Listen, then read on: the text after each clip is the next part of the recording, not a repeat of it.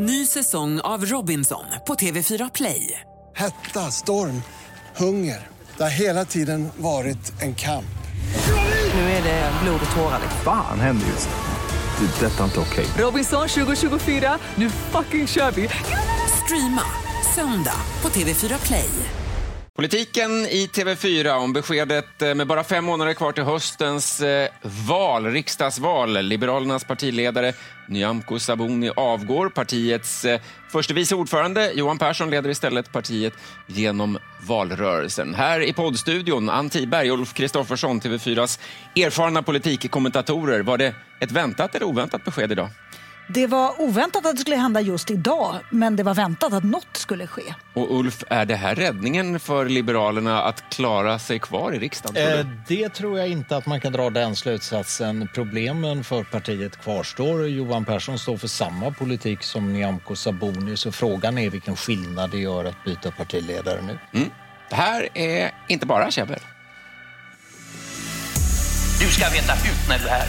Punkt. Fru talman, nu har Ulf Kristersson fått allt om bakfoten. Vem är brun? med högerpopulistiska Vem är brun? Det här handlar om Sveriges bästa. Det här handlar inte om Annie Lööf. We shall overcome. Ha en krampaus. Håll truten på dig, Carl Bildt. Kan du, Det är bara käbbel. Det är bara käbbel.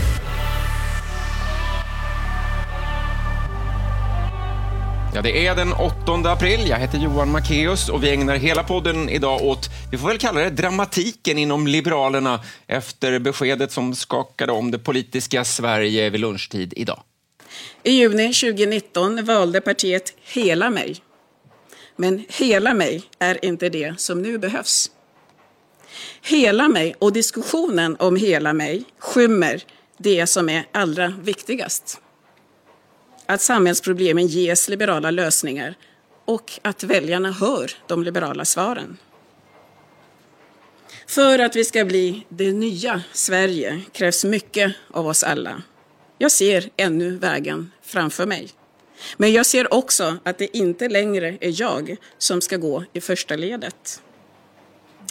Jag har därför meddelat valberedningens ordförande mitt beslut att idag lämna posten som partiledare för Sveriges liberala parti. Nyamko Sabuni i riksdagens presscenter för en liten stund sedan idag, fredag. Ulf, eh, vad var utlösande tror du? Ja, det, vi fick ingen förklaring på det. Nyamko Sabuni vägrade svara på frågor. Hon bara läste upp sitt uttalande och sen gick hon därifrån.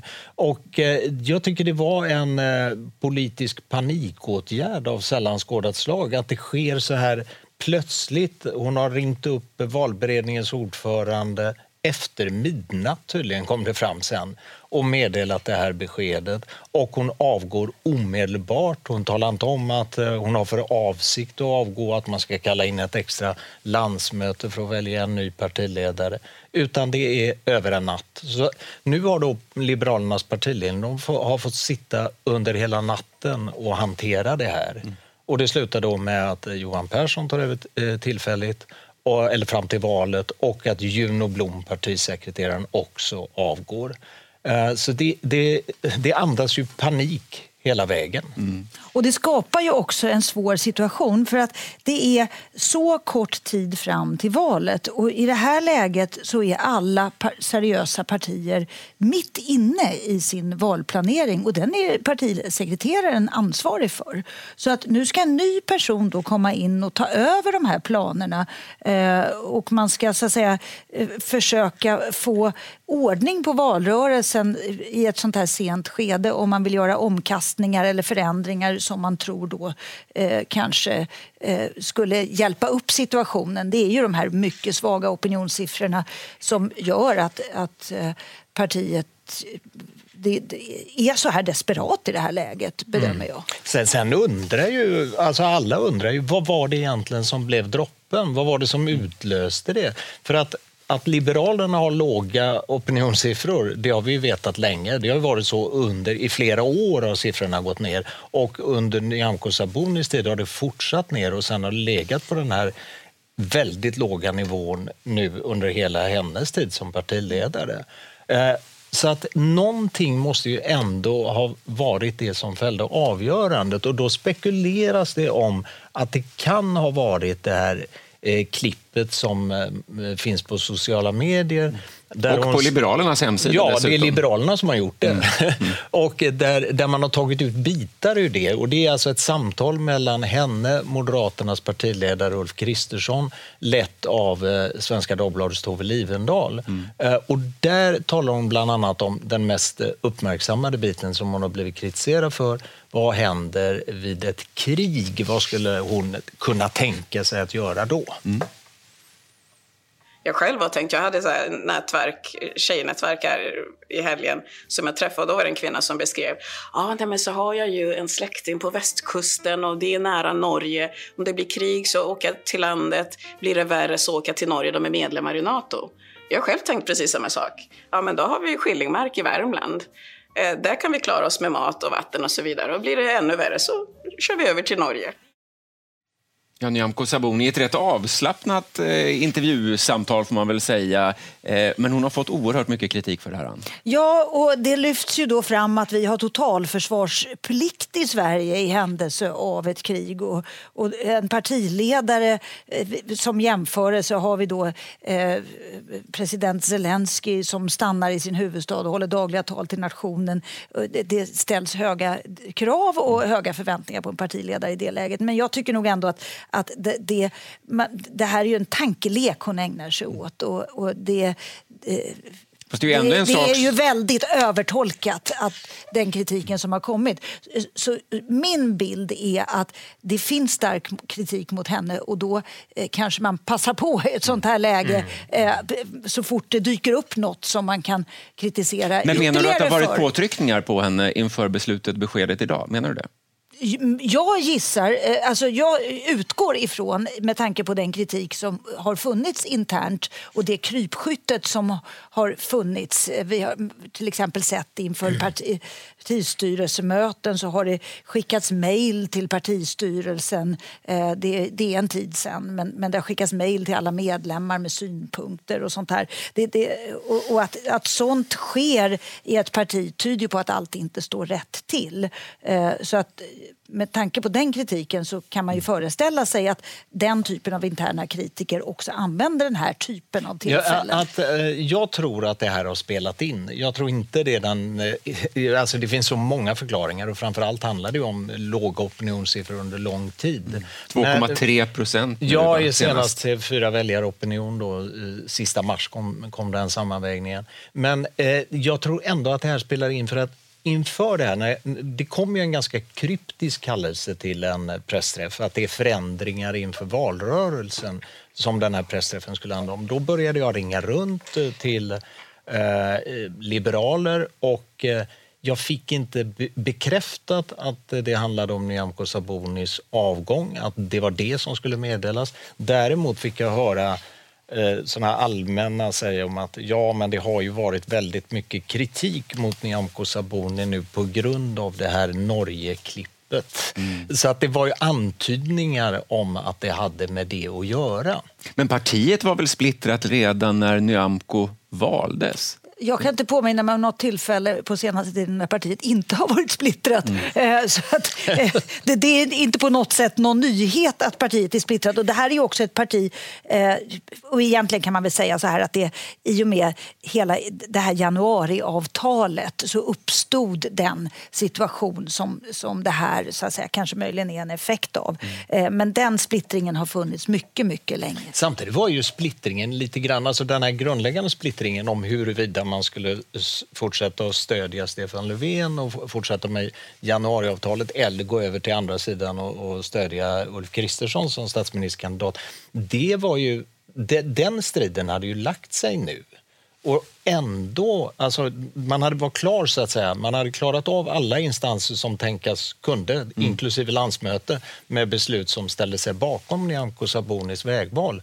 Och ändå lyfte inte siffrorna. Ändå blev det inte bättre, utan det fortsatte istället ner. Jag tror det finns en, ett, en sak med de där siffrorna som man ska vara medveten om och det är att bilden som är i partiledningen det är att siffrorna höll på att lyfta när pandemin tog slut. Mm. Sen kom kriget och då rasade de igen.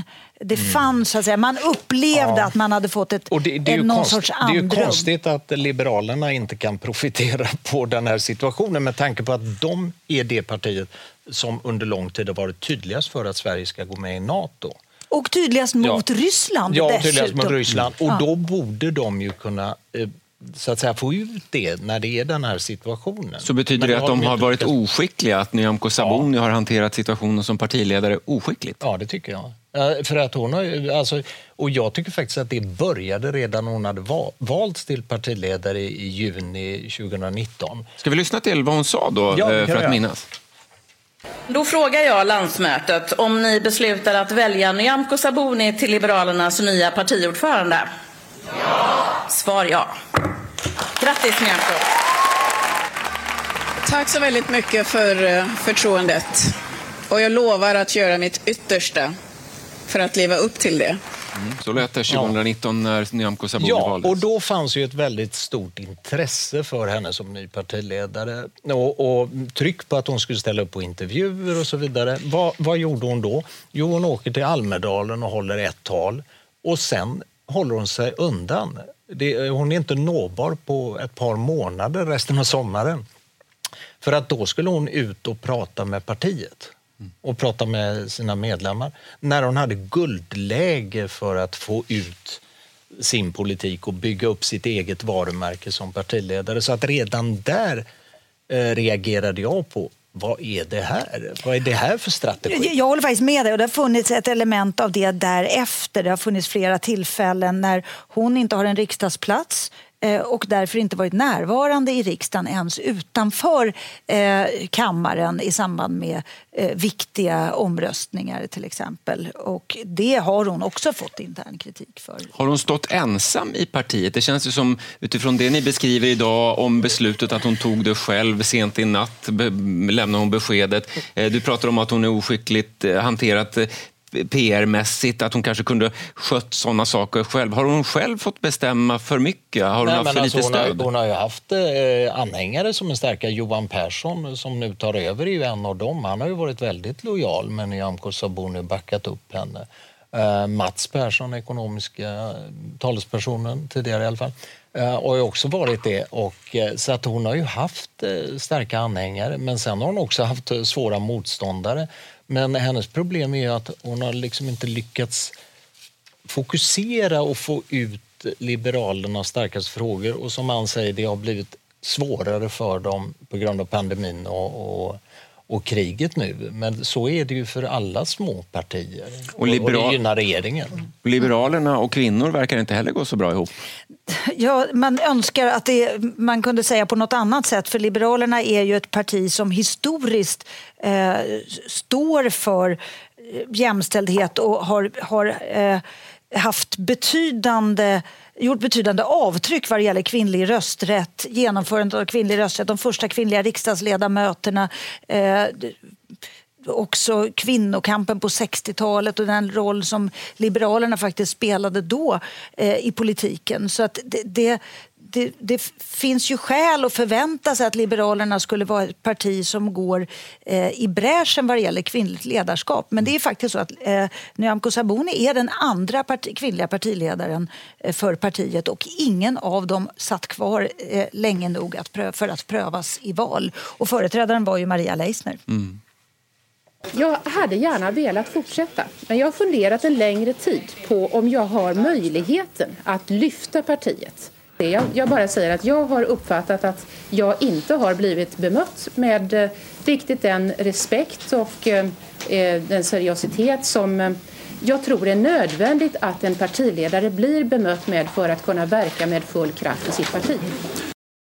Maria Leissner som ställde upp på frågor i alla fall då, till skillnad mot Nyamko Sabuni idag som lämnade presscentret efter. Hon var ju väldigt bitter när hon gick. Hon gick 1997, det var året före ett val. Hon hade haft ett otroligt motigt partiledarskap Eh, och var starkt ifrågasatt. Valdes faktiskt också på ett likartat sätt som Nyamko Sabuni. Det var tre kandidater som tävlade om att bli partiledare och hon vann det här med ganska liten marginal vill jag minnas. Eh, och det, den här perioden då när hon var partiledare eh, så blev hon ifrågasatt för väldigt många saker. Bland annat för att hon hade en iskall blick, kommer jag ihåg. Och det, alltså, Det kan man inte ha som eh, kvinna. Det kan man inte, kan man inte göra så mycket åt faktiskt.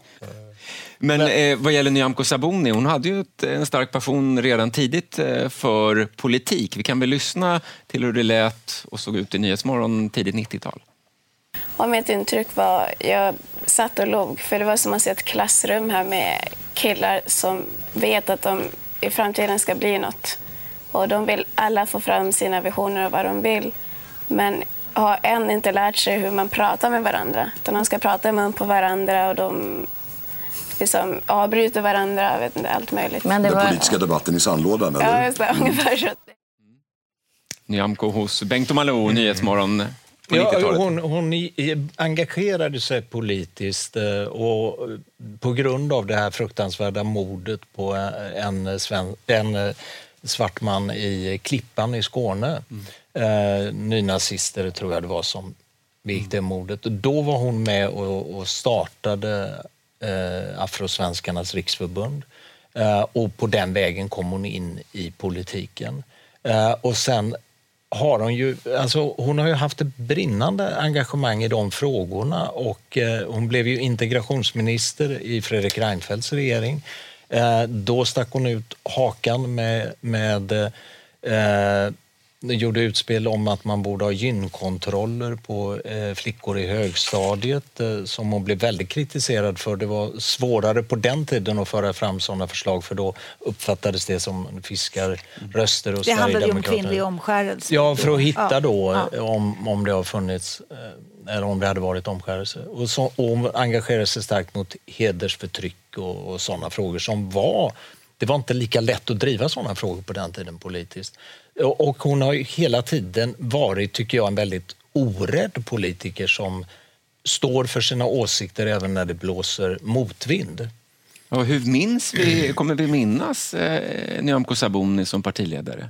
Ja, men det är nog rätt mycket det som Ulf är inne på. Att hon, var en, eh, hon var inte rädd för att vara en tydlig politiker och hon eh, väjde inte för att ta även svåra debatter.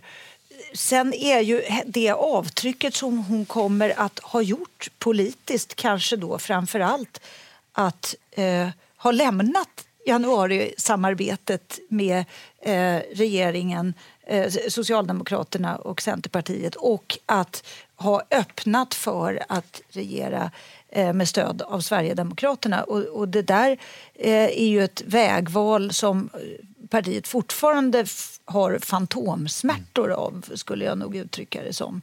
Eh, även om konflikten så att säga ytligt sett är bilagd så tror jag inte att den är bilagd. Ett poddtips från Podplay. I podden Något Kaiko garanterar östgötarna Brutti och jag, Davva, dig en stor dos skratt. Där följer jag pladask för köttätandet igen. Man är lite som en jävla vampyr. Man har fått lite blodsmak och då måste man ha mer. Udda spaningar, fängslande anekdoter och en och annan arg rant.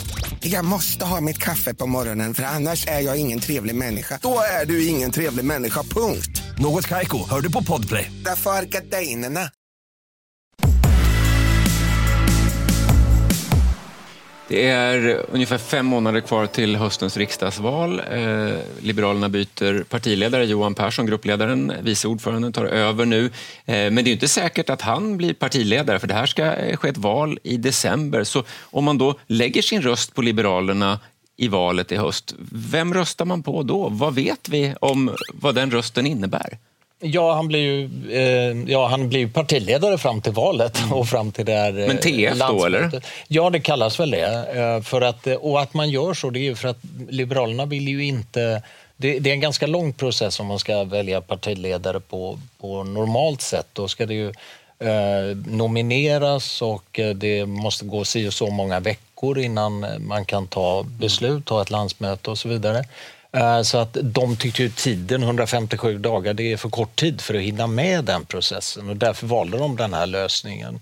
Sen är det ju mycket möjligt att eh, Johan Persson ändå skulle ha blivit vald om man hade gått den vägen eller att han kanske blir det vid det kommande landsmötet i december för att han är ju en av deras absolut starkaste företrädare. Han har ju ett försprång. Han får ju Ja. ett försprång inför en sån, eh, ett sånt val. Mm. Så att de ger ju honom så att säga, ett, en räkmacka, eller hur man nu ska Mm, uttrycka sig. Eh, men jag vill påminna om att Johan Persson eh, var ju en av de tre kandidater som konkurrerade eh, under, eh, inför valet av Sabuni om att bli partiledare. Och eh, han, jag vet att han sa vid något tillfälle att eh, när de andra två har eh, slitit strupen av varandra då kommer jag stå kvar där. Och den tredje. och, så blev det Så ju blev det uppenbarligen. Erik Ullenhag var den Ja. tredje. Var den tredje. Mm. Eh, om man nu eh, utifrån där eh, Liberalerna står idag då, du träffade ju Johan Persson. Han var rätt snabb på att skicka en pik tyckte jag i alla fall till Nyamko Ja, Sabuni. det, det kan jag uppfatta så. Vi kan lyssna. Alltså jag eh, har gjort värnplikt i 15 månader som kompanibefäl. Jag skulle försvara Sverige. Mm, så sa han apropå den här omdiskuterade Norge-klippet att eh, Nyamko Sabuni skulle fly till Norge. Eh, vilken väg tar Liberalerna nu, Ann? Det är ju, summan av den här dagen är ju egentligen att moderat, eh, förlåt, Liberalerna by- byter ledning men partilinjen står fast. Eh, Det in- finns inga indikationer på att Johan Persson vill välja någon annan väg än vad Nyamko Sabuni ville. Är ni förvånade över det? Eh, Jag tror en skillnad kan bli att Johan Persson kommer att trycka mycket hårdare på kriminaliteten, bekämpa gängkriminaliteten, brottsligheten. Eftersom han, har varit, han är jurist och han har varit rättspolitisk talesperson i, i många år. Det är liksom hans eh, favorit hemmaområde. Eh, Så där kommer nog att vara en större betoning. Jag tror inte han kommer att trycka mer på det men det kommer nog att höras mer. Ja. Jo, men han hon har ju tryckt hårt på det också menar jag. Han kommer, jo, men eh, Nyamko Sabuni har ju haft det som en del av... Hennes eh, stora politiska projekt är ju förortslyftet. Eh, och då ingår ju det här med att bekämpa kriminaliteten eh, som en del, men det är också väldigt mycket sociala satsningar och utbildning och så vidare. Eh, jag tror att Johan Persson kommer att trycka hårdare på det här repressiva, så att säga, bekämpa kriminaliteten. Men kommer det hjälpa dem in i riksdagen om nu de här opinionssiffrorna som är nu, 2,3 procent, ligger fast? Jag tror att de har ett väldigt, väldigt tufft race att sitta kvar i, i riksdagen eh, i höst. Mm. Men det, det går inte att utesluta någonting. Men, men är det vägen? Eh, det kan inte jag faktiskt svara på. Men, men det, som har, som han sa faktiskt idag på pressträffen eh, det var att det har varit lite kladdigt, uttryckte han det som. Nej, det var Juno Blom som sa det. Det har varit lite kladdigt. Eh, och det där tyckte jag var rätt intressant. Vad, vad hon var efter där. Och fladdrigt sa väl, eh, var inte det ett ord som, eh, som Persson sa om hur väljarna har uppfattat Liberalerna? Ja, men det har ju varit mycket interna strider och olika falanger som har velat olika saker. saker och det, det där finns väl kvar i partiet och eh, Johan Persson, när jag frågade vad skiljer dig? Ett poddtips från Podplay. I fallen jag aldrig glömmer djupdyker Hasse Aro i arbetet bakom några av Sveriges mest uppseendeväckande brottsutredningar. Går vi in med hemlig telefonavlyssning och, och då upplever vi att vi får en total förändring av hans beteende. Vad är det som händer nu? Vem är det som läcker? Och så säger han att jag är kriminell, jag har varit kriminell i hela mitt liv men att mörda ett barn, där går min gräns. Nya säsongen av Fallen jag aldrig glömmer på Podplay.